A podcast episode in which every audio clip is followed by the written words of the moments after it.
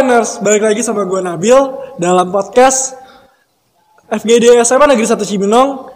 Dan hari ini kita kedatangan sama dua orang yang jurusannya kece parah sih. Dari jurusan kedokteran. Jurusan itu apa? Fakultas ya? Fakultas Kedokteran. Oh ya, fakultas kedokteran dengan jurusan kedokteran umum. Oke, sekarang kita udah kedatangan dua orang yang kece-kece banget, pinter-pinter banget Dan berani buat take an effort lebih baik lagi Coba boleh dulu dong kenalan dari yang angkatan 44 dulu SMA Negeri 1 Cibinong.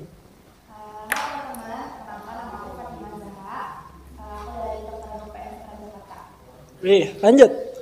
Halo, nama gue Shiva, gue angkatan 43. Sekarang ini gue kuliah di eh, Fakultas Kedokteran Umum di Universitas Yarsi. Wih, sekarang kita kedatangan satu orang dari negeri, satu orang dari swasta. Dua-duanya sama-sama kedokteran, dua-duanya sama-sama susah ya bun ya. Oke, pertanyaannya itu yang pertama, kenapa sih mau masuk kedokteran? Apalagi kan kita tahu ya kedokteran tuh biaya mahal, benar-benar stereotipnya dah. Coba dari Shiva dulu.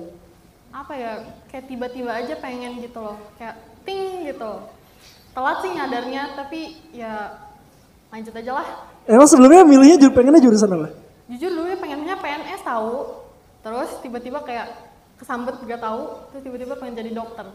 Kayak gitu sih. Dan alhamdulillah keterima di salah satu universitas yang emang oke banget kedokterannya. Nice.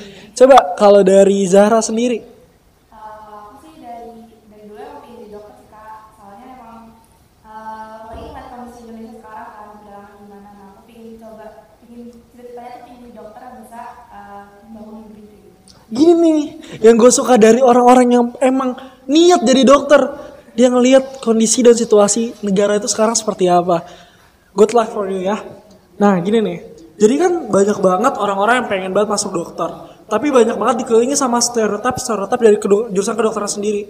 Ada yang bilang harus kaya, ada yang bilang eh, harus pinter banget, ada yang bilang bisa berhenti di tengah jalan. Nah kalau dari kalian yang udah satu semester nih ngejalanin perkuliahan, itu bener gak sih stereotip seperti itu? Coba dari Zahra dulu. kalau yang pertama kan tadi harus kayak kalau menurut aku sih ada benernya ada enggak juga kalau biaya itu tergantung universitasnya kak. Jadi ada beberapa univ yang memang uh, dan univ pun apalagi negeri itu ada golongan-golongannya dan itu berdasarkan gaji orang tua. Jadi bisa lah disesuaikan kayak gitu. Jadi nggak sepenuhnya benar stereotip bahwa uh, dokter itu harus kaya. Yang kedua sebener banget itu juga nggak bener banget. Karena uh, kakak tingkat aku juga bilang katanya kalau dokter itu yang penting rajin karena yang rajin itu biasanya kalah eh yang, yang rajin itu menang daripada uh, yang pintar gitu jadi yang penting tuh rajin terus niat buat uh, dalam dokteran kayak gitu sih kak Kalau dari lu gimana sih? Gue setuju sama eh, pendapat eh, Zahra sebelumnya. Yang pertama itu nggak nggak mesti kaya sih ya kalau misalnya swasta mahal ya namanya juga swasta kan di mana pun juga fakultas apa pun kalau swasta pasti mahal gitu. Ya tapi kalau nggak salah dengar nih ada juga kok yang ngasih eh, beasiswa-beasiswa juga buat em, fakultas kedokteran gitu tapi cari aja sendiri gue juga nggak nyari tahu banyak gitu. Pokoknya kalau masalah biaya teman-teman sebenarnya emang nggak perlu dipikirin gitu kan. Betul. Yang penting otak kita mampu atau enggak dari diri kita mentalnya mau berjuang atau enggak. Bakal masalah itu Allah atau Tuhan yang Maha Esa lah yang bakalan ngelurusin semuanya. Nah, buat teman-teman nih, kalau kita tahu semuanya prospek pekerjaan dari seorang yang berlulusan sarjana kedokteran atau dokter umum pasti akan menjadi dokter. Tapi dalam kondisi yang eh, yang gue sering lihat banyak banget orang-orang yang nggak jadi dokter gitu loh. Dia malah jadi dosen dan atau jadi eh, fasilitator kesehatan. Apakah di dunia kedokteran itu sendiri itu ada hal yang lumrah? lumrah banget banyak banget kok yang apa yang awalnya dokter eh, dokter umum gitu ya terus eh, ngambil eh, S2-nya itu kayak biomedik. Biomedik itu biasanya bakal jadi dosen gitu di universitas-universitas gitu. Gak Oh, berarti- biomedik doang sih. Sebenarnya kalau misalnya ditanya prospek dari jurusan kedokteran emang nggak dokter doang gitu ya.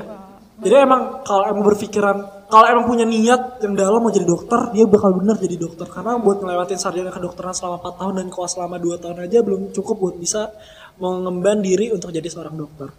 Nah, ketika kalian masuk jurusan kedokteran, banyak banget stigma stigma masyarakat. Ada yang berpikir kalau kalian bakal salah jurusan, ada yang berpikir kalian di sini mampu gak sih gue buat buat masuk ke jurusan tersebut dan kalian made it in one semester.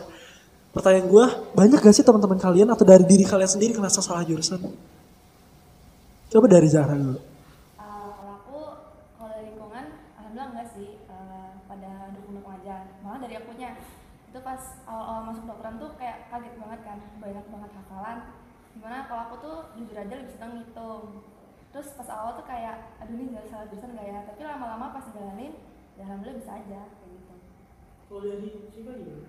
Kalau gue pribadi sih gue nggak pernah ngerasa salah jurusan ya, karena gue emang ya kalau istilahnya tuh gue FK harga mati gitu loh. Jadi mau susah mau apa ya telan aja kan gue yang pengen gitu loh di sini.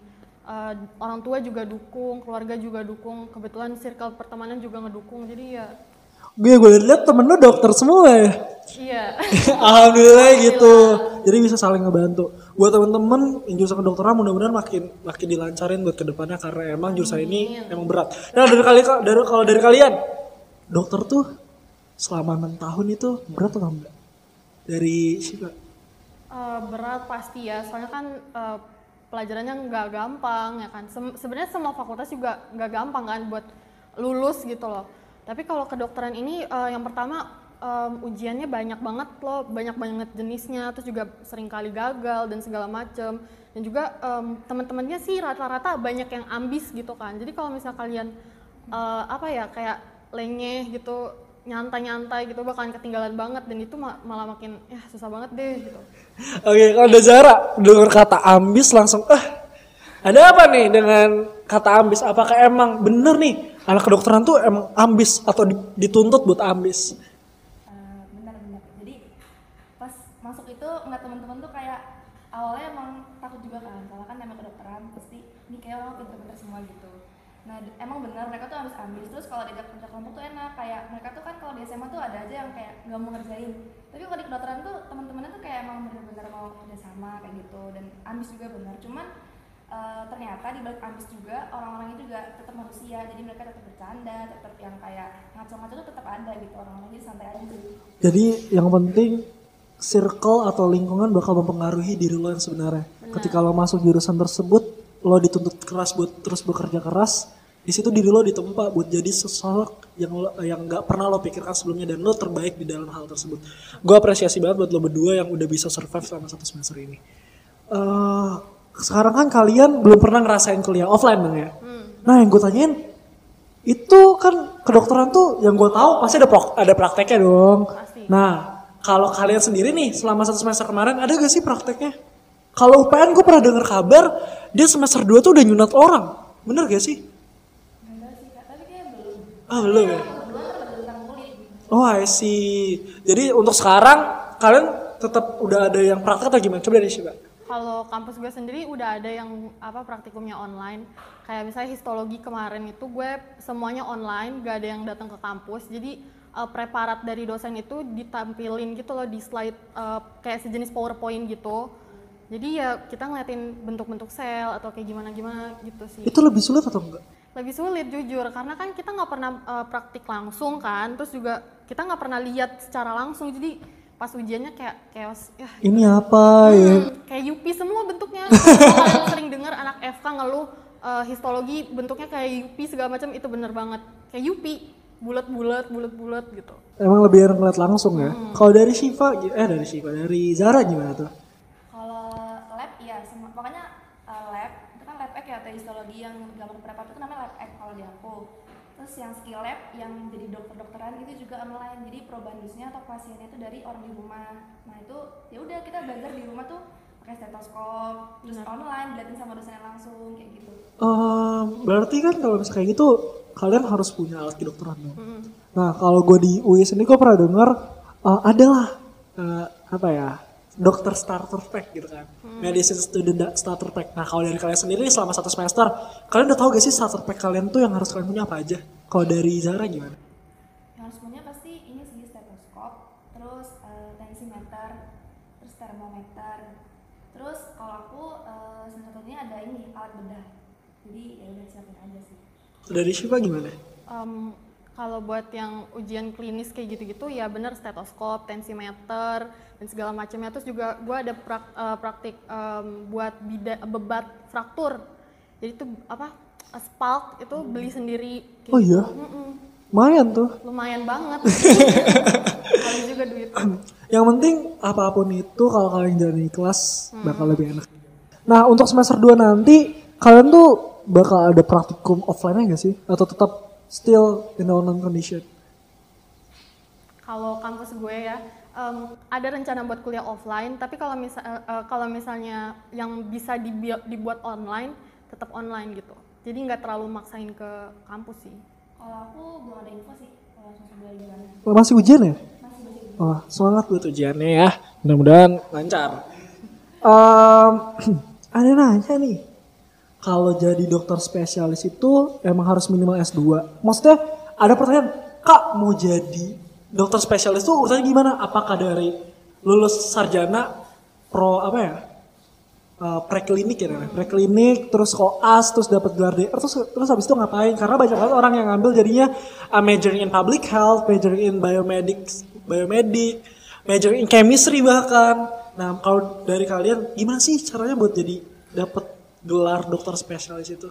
Kalau dari Shiva, Eh, yang pertama harus lulus esket dulu ya, kuliah preklinik 4 tahun, terus juga em, koas dulu biar dapat gelar dokter resmi gitu, eh, dua tahun, terus juga pas udah dapat gelar dokter ini kita harus internship dulu biar bisa praktek sendiri gitu atau dokter umum sesungguhnya lah gitu.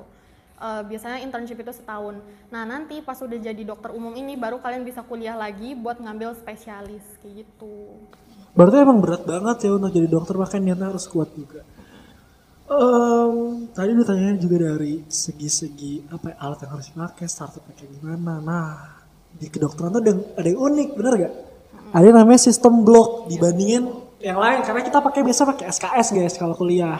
Sistem kredit semester. Kalau kalian pakainya sistem blok. Sistem blok tuh apa sih? Zara? Nah, jadi sistem blok itu kan misalkan ya aku nih semester satu di kan eh, jadi semester satu itu ada dua blok ada blok FBS 1 sama FBS 2 FBS itu fundamental biomedical science. Jadi itu belajar biologi SMA tapi dikaitin sama kasus-kasus kedokteran kayak gitu.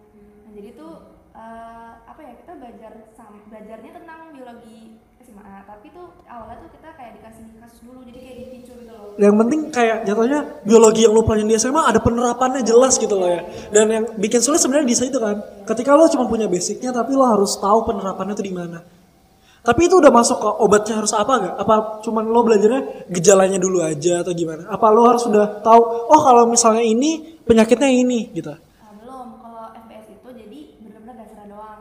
Bahkan belajar tentang obat tuh baru belajar obat tuh cara kerjanya gimana, terus dia tuh awalnya gimana sampai bisa bereaksi dalam tubuh itu baru kayak gitu. Nah baru nanti semester 2 kan ada blok tentang DMS ya, eh, tentang kulit sama tulang otot. Nah itu baru dibahas penyakit-penyakit dari penyakit kulit tuh gimana, penyakit tulang kayak gimana, baru dibahas ntar obatnya apa, baru kayak gitu. Ah kalau dari Siva ada pertanyaan menarik nih. Biasanya kalau di kedokteran itu ada ujiannya tuh beda-beda gitu kan? Ujiannya tuh ada apa aja sih? Em, yang pertama ada eh, ujian akhir blok atau kita biasa ngomongnya UAB. Ya tiap blok kan karena eh, materi kedokteran ini banyak, kita nggak nggak bisa sama ratain gitu kayak uas ulang ujian akhir semester gitu. Jadi satu di akhir nggak bisa kan. Jadi eh, pakai sistem blok itu setiap habis satu eh, satu blok itu kita bisa ujian. Itu yang pertama UAB. Yang kedua itu ada eh, OSCI atau OSCE orang banyak taunya. Itu tuh uh, ujian apa ya keterampilan klinik yang tadi kayak fraktur fraktur tulang atau eh, tanda vital dan segala macamnya gitu. Nah yang ketiga itu eh, SOKA. SOKA itu dia kayak di, kita dikasih eh, salah satu kasus gitu kan. Eh, misal eh, ada apa si A ini penyakit apa gitu-gitu segala macam. Nanti kita em, masuk ke ruangan soka gitu kalau offline itu tuh eh, kita kayak setengah jam pertama itu kita kayak bikin apa ya kayak mind mapnya gitu ah ya flip chart gitu di papan terus nanti selanjutnya kita ngejelasin ke dosen penguji kayak gitu Berarti emang, nah ini nih, berarti kalau gitu kan emang ujian rangkaiannya berat ya. Nah untuk anak-anak SMA nih yang mau masuk kuliah kedokteran, yang harus dipersiapin tuh matkul apa sih biar ke depannya itu nggak goblok-goblok banget lah istilahnya, nggak nggak yang uh, nggak punya bayangan gitu. Yang jelas biologi sih. Yang jelas biologi ya. Oh cuman ini kimia juga mungkin ya salah. Kalau aku dulu kemarin itu ada sempat belajar biokimia, tapi sedikit sih. Yang jelas biologi sih harus. yang masih dasar gitu ya. Oke oke. Nah kalian berdua ada yang ikut organisasi gak di kampus? Atau kepanitiaan? Kalau aku belum kalau gue nanti baru oprek baru Hmm. oprek nanti. Nah, ketika kalau kalian ikut organisasi kampus, pasti tahu lah kalau misalnya kalau kalian bakal sibuk, kalian bakalan banyak gak ke handle gitu loh. Nah dari kalian, apa sih yang bikin kalian tuh, gue pengen ikut organisasi loh. Apa sih yang bikin kalian pengen kayak gitu? Kalau dari gue sendiri, biar dapat banyak temen sih ya, biar dapat relasi. Karena kalau kuliah nggak ada relasi tuh kayak susah banget gitu loh. Misalnya kita relasi punya temen deket kakak tingkat gitu kan, gampangnya enaknya punya temen kakak tingkat itu bisa dapat em, istilahnya bocoran soal tahun kemarin lah gitu, atau kayak catatan gitu.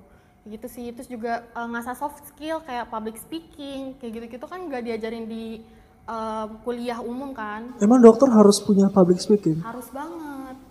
Terus, terus kenapa tuh? Karena ya kalau misalnya em, apa namanya public speakingnya gak bagus kan gimana ya kayak em, susah, ngejelasinnya ke pasien gitu nanti pasiennya nggak yakin sama kita kayak gitu. Oh mantap mantap. Berarti emang sebenarnya lu jadi seorang kedok seorang dokter itu nggak cuman modal lo punya otak bagus, lo punya gelar dokter gitu loh. Tapi butuh juga pengabdian yang tinggi, cara tata ngomong yang baik. Karena ketika lo masuk ke dokteran ada stereotipnya itu sendiri. Nah kalau dari Zara, stereotip seorang kedok seorang dokter ketika udah lulus apa sih? Apakah dia harus ABC? Misalnya apakah dia harus em, jadi orang yang sebaik mungkin ditatap orang kayak gimana dan pengimplementasinya seperti apa? Apakah itu emang harus seperti itu atau gimana? kalau aku gimana ya menurutku seorang dokter ya pastinya harus benar-benar ya gitu belajarnya harus benar terus untuk jadi sosoknya mungkin jadi sosok yang sabar karena kan pasien ya kita harus kayak baik-baik gitu sama pasien kan.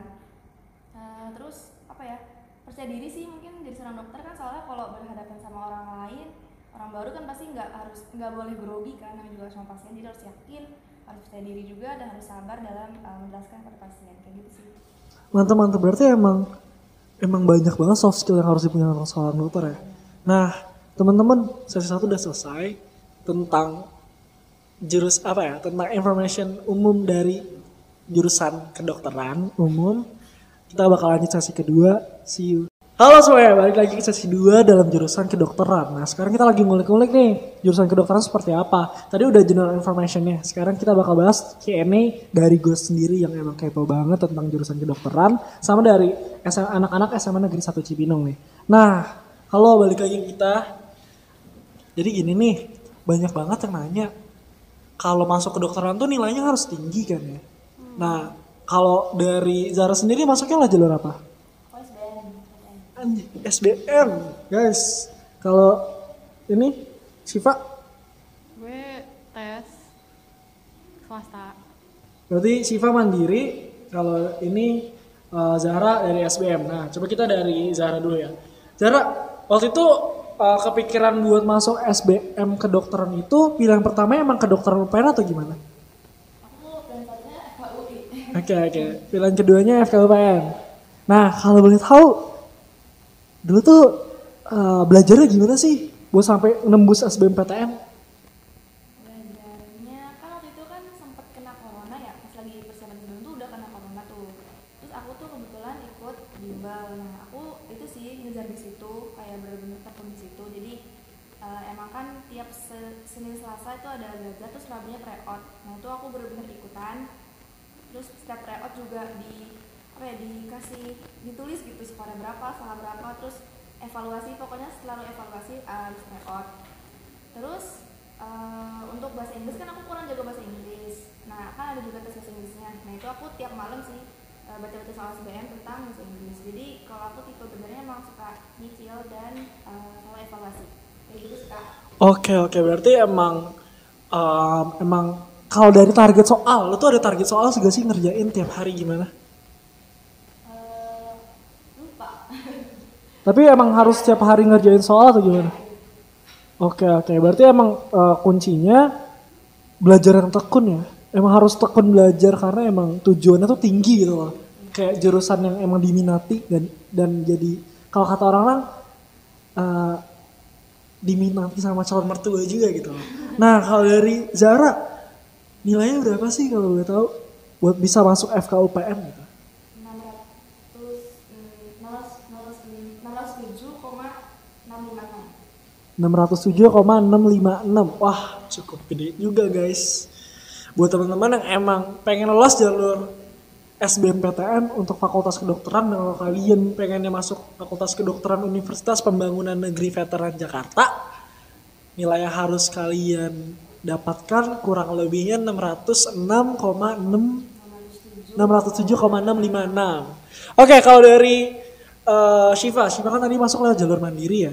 Jalur mandiri berarti kalian lo harus ngelewatin seleksi tes gitu kan. Nah, tes yang di diajuin tuh apa aja sih? Kayak SBM aja sih soal-soal ya matematika, fisika, kimia gitu-gitu segala Menurut lo lebih susah atau enggak?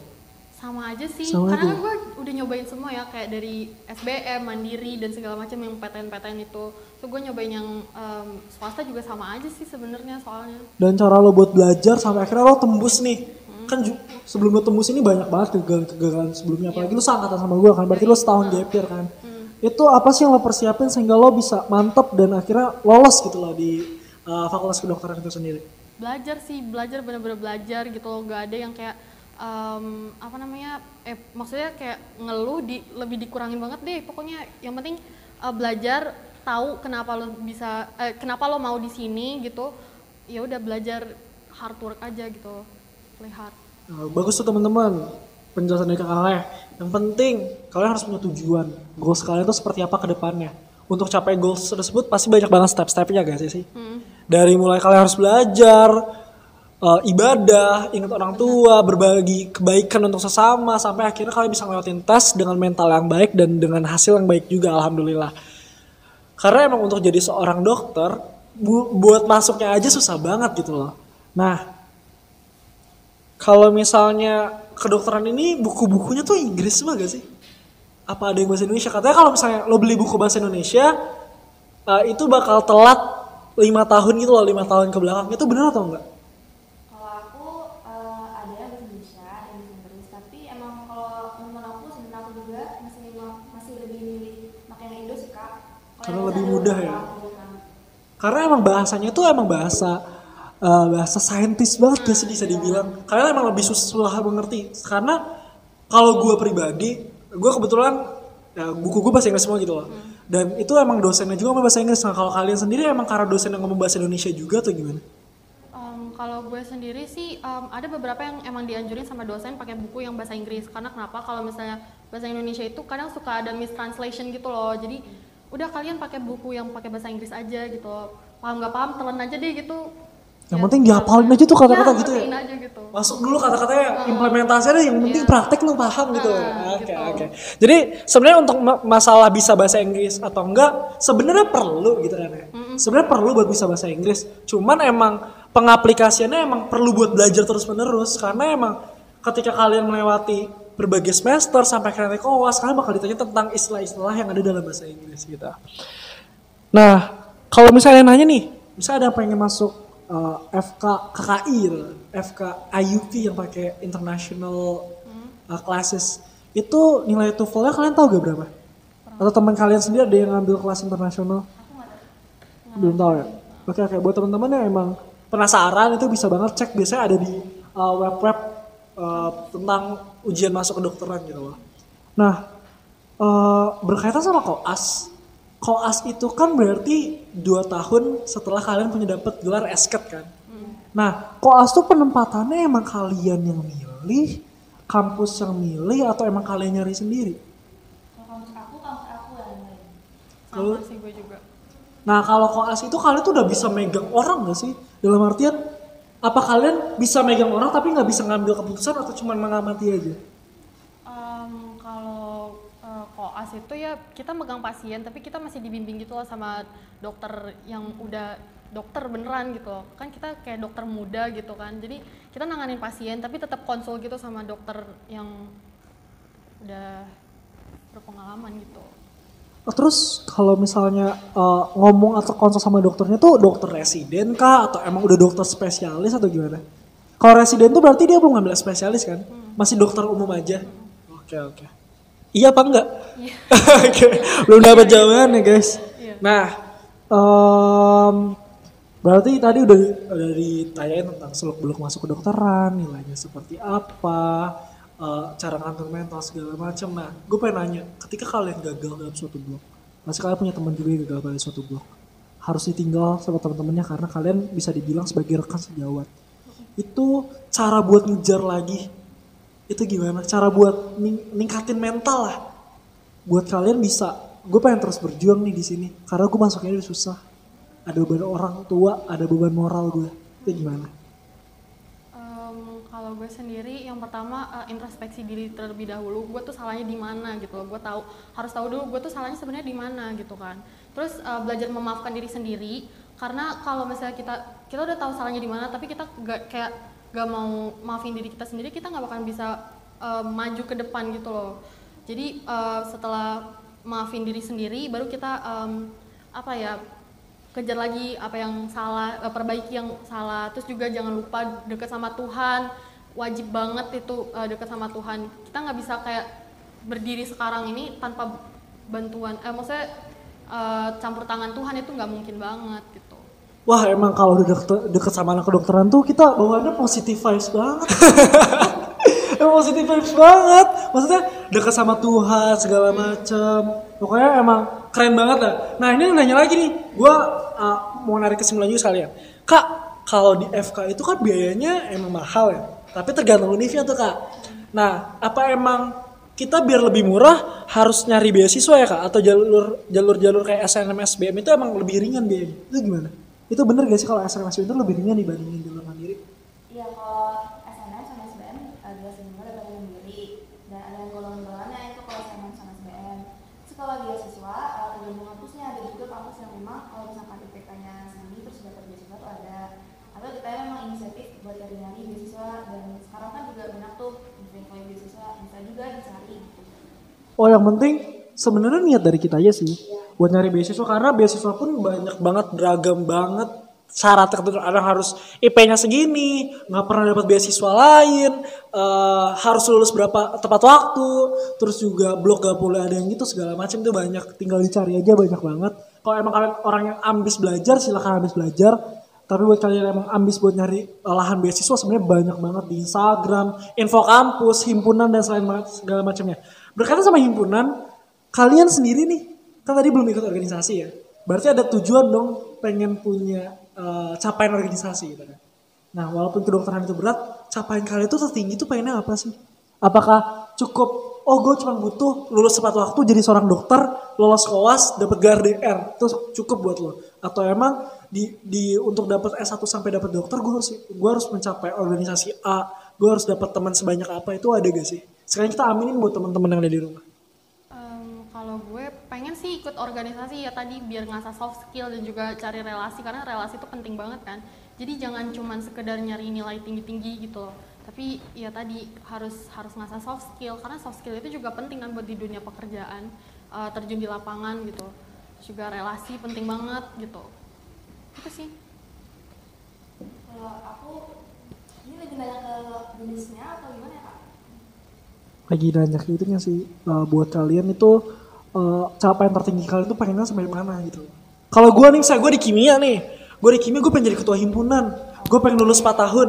Itu capaiannya sebesar lu ketika lu udah dapet gelar SSI saya kalau gue SSI kan. Gue dapet SSI gue pengen jadi apa? Nah kalau udah dapet SKT atau udah dapet gelar DR lu tuh pengen jadi kayak gimana gitu Kalau aku sih rencananya ingin ikut BM yang di FK. Cuman kalau untuk jabatannya nggak terlalu tinggi sih nggak terlalu tinggi tinggi banget karena kan pas jadi dokter tuh sibuk gitu kan belajarnya. Terus sama juga uh, ingin ikut yang mau organisasi tentang kayak rohis gitu di SMA. Cuman kalau di kuliah juga ingin tetap lanjutin itu. Itu Oke, berarti itu denger ya. Tujuan mereka satu, pengen jadi dokter yang emang berguna untuk masyarakat, dokter yang emang melakukan pengabdian setinggi mungkin. Uh, last speech, gue pengen denger kalian, dokter impian kalian tuh seperti apa? Dokter yang paling membuat kalian, oh gue pengen dokter, gue tuh pengen jadi dokter seperti ini gitu loh. Dan itu jadi dedikasi lu yang paling tinggi. Misalnya kalau gue, contoh ya, gue pengen jadi dokter yang bisa mengabdi sama masyarakat. Gue pengen nolong orang-orang yang paling rendah. Tujuannya gue jadi dokter bukan karena nyari duit. Misalnya kayak gitu.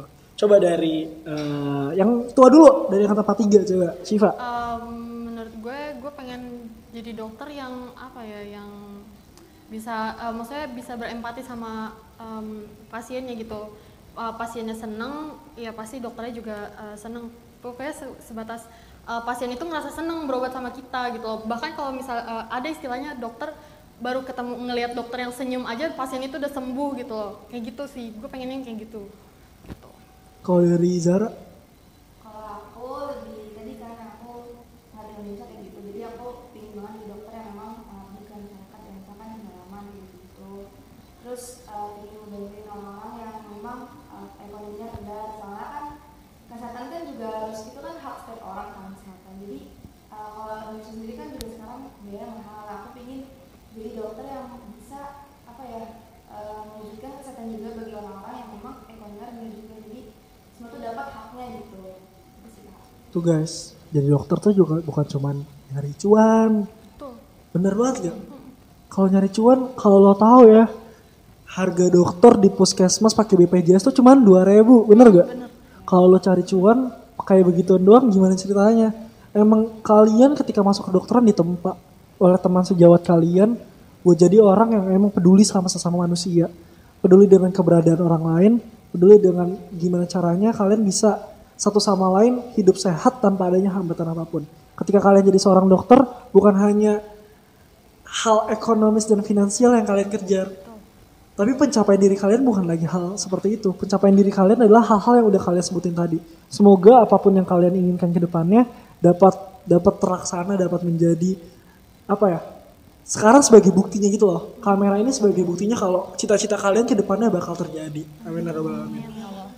By the way, ter- gue mau nambah sedikit. Apa tuh? Ini ini dosen gue dari awal gue masuk kuliah udah nekanin kayak gini. Kalian kalau mau kalau mau kaya jangan jadi dokter. Jangan pernah mau jadi dokter karena ya tadi udah denger sendiri kan puskesmas dokter orang dibayar pakai BPJS berapa sih cuman berapa. Kalau Kalian mau kalau kalian mau kaya jangan jadi dokter, jadi bisnismen aja gitu. Benar banget guys. Ingat ya.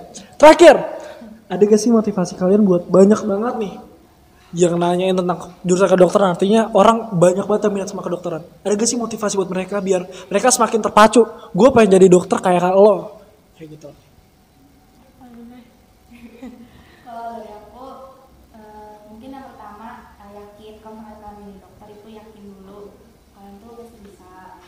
Terus kan tahu sendiri dokter itu lama, nggak apa-apa deketin aja dulu kan. Namanya juga cita-cita yang tinggi pasti juga butuh usaha tinggi juga, butuh usaha yang keras juga. Jadi dari sekarang eh, belajar terus terus jangan lupa doa. Pokoknya eh, terus semangat ya jaga kesehatan juga pokoknya intinya eh, ingat di kedokteran itu nggak sebentar dan nggak nggak nggak nggak nggak nggak segampang itu gitu jadi emang benar-benar harus tekun harus niat terus kalau misalkan nanti udah masuk dokter masuk kedokteran jangan capek eh, ingat-ingat tujuan kalian masuk dokter itu apa terus ya pokoknya jangan jangan gampang asa jadi sih Terharu gue anjrit. Keren parah. Emang dokter loh. Aduh. Selanjutnya sih Pak. Dipersilakan. Em, Iya tadi sama juga eh, jadi dokter kan susah banget ya kita harus kerja keras sih apa eh, gak, gak mesti eh, pinter perlu pinter perlu tapi yang penting rajin sih kayak rajin ya inisiatif aja diri sendiri mulai belajar sendiri kayak atau ngajakin teman belajar bareng kayak gitu Eh, terus juga jaga-jaga kesehatan karena kuliah kedokteran itu emang stres banget kan tekanan pressure banyak banget.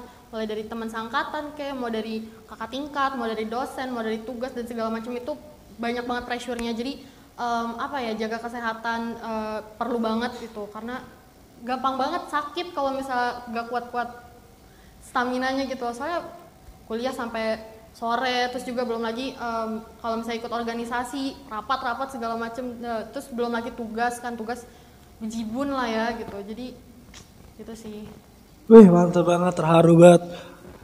Conclusionnya nih, teman-teman yang mau masuk jurusan kedokteran, mantepin mental kalian, mantepin nilai kalian, mantepin kemampuan kalian. Itu semua bakal semakin baik seir- seiring berjalannya waktu. Bukan masalah uang yang kalian cari, tapi gimana caranya nilai dan value kalian dalam hidup bisa terbayar ketika kalian eh, dibebani sebagai seorang dokter.